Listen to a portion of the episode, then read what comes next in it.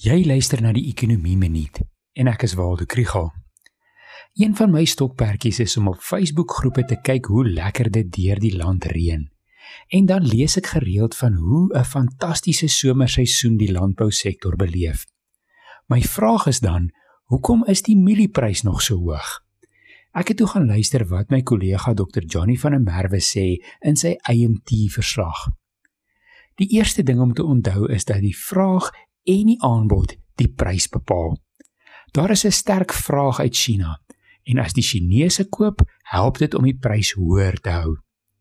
Aan die aanbodkant is almal dit eens dat daar 'n goeie aanbod op die land is en dit behoort die prys laer te maak.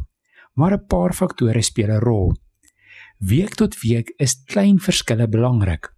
Byvoorbeeld is daar sekere areas wat soveel reën gekry het dat dit skade kan aanrig. Dit kan moontlik die aanbod kleiner maak en help dus om die prys hoër te hou.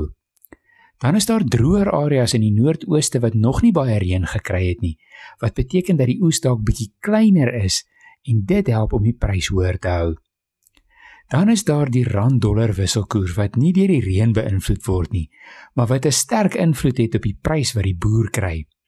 Die onlangse verswakking van die rand beteken dat die dollarprys van mielies nou in meer rande omgeskakel kan word.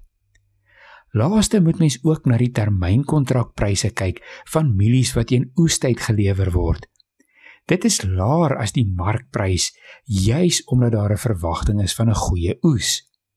Dit is dalk nie so goed vir die boere nie, maar kan die verbruiker 'n bietjie help.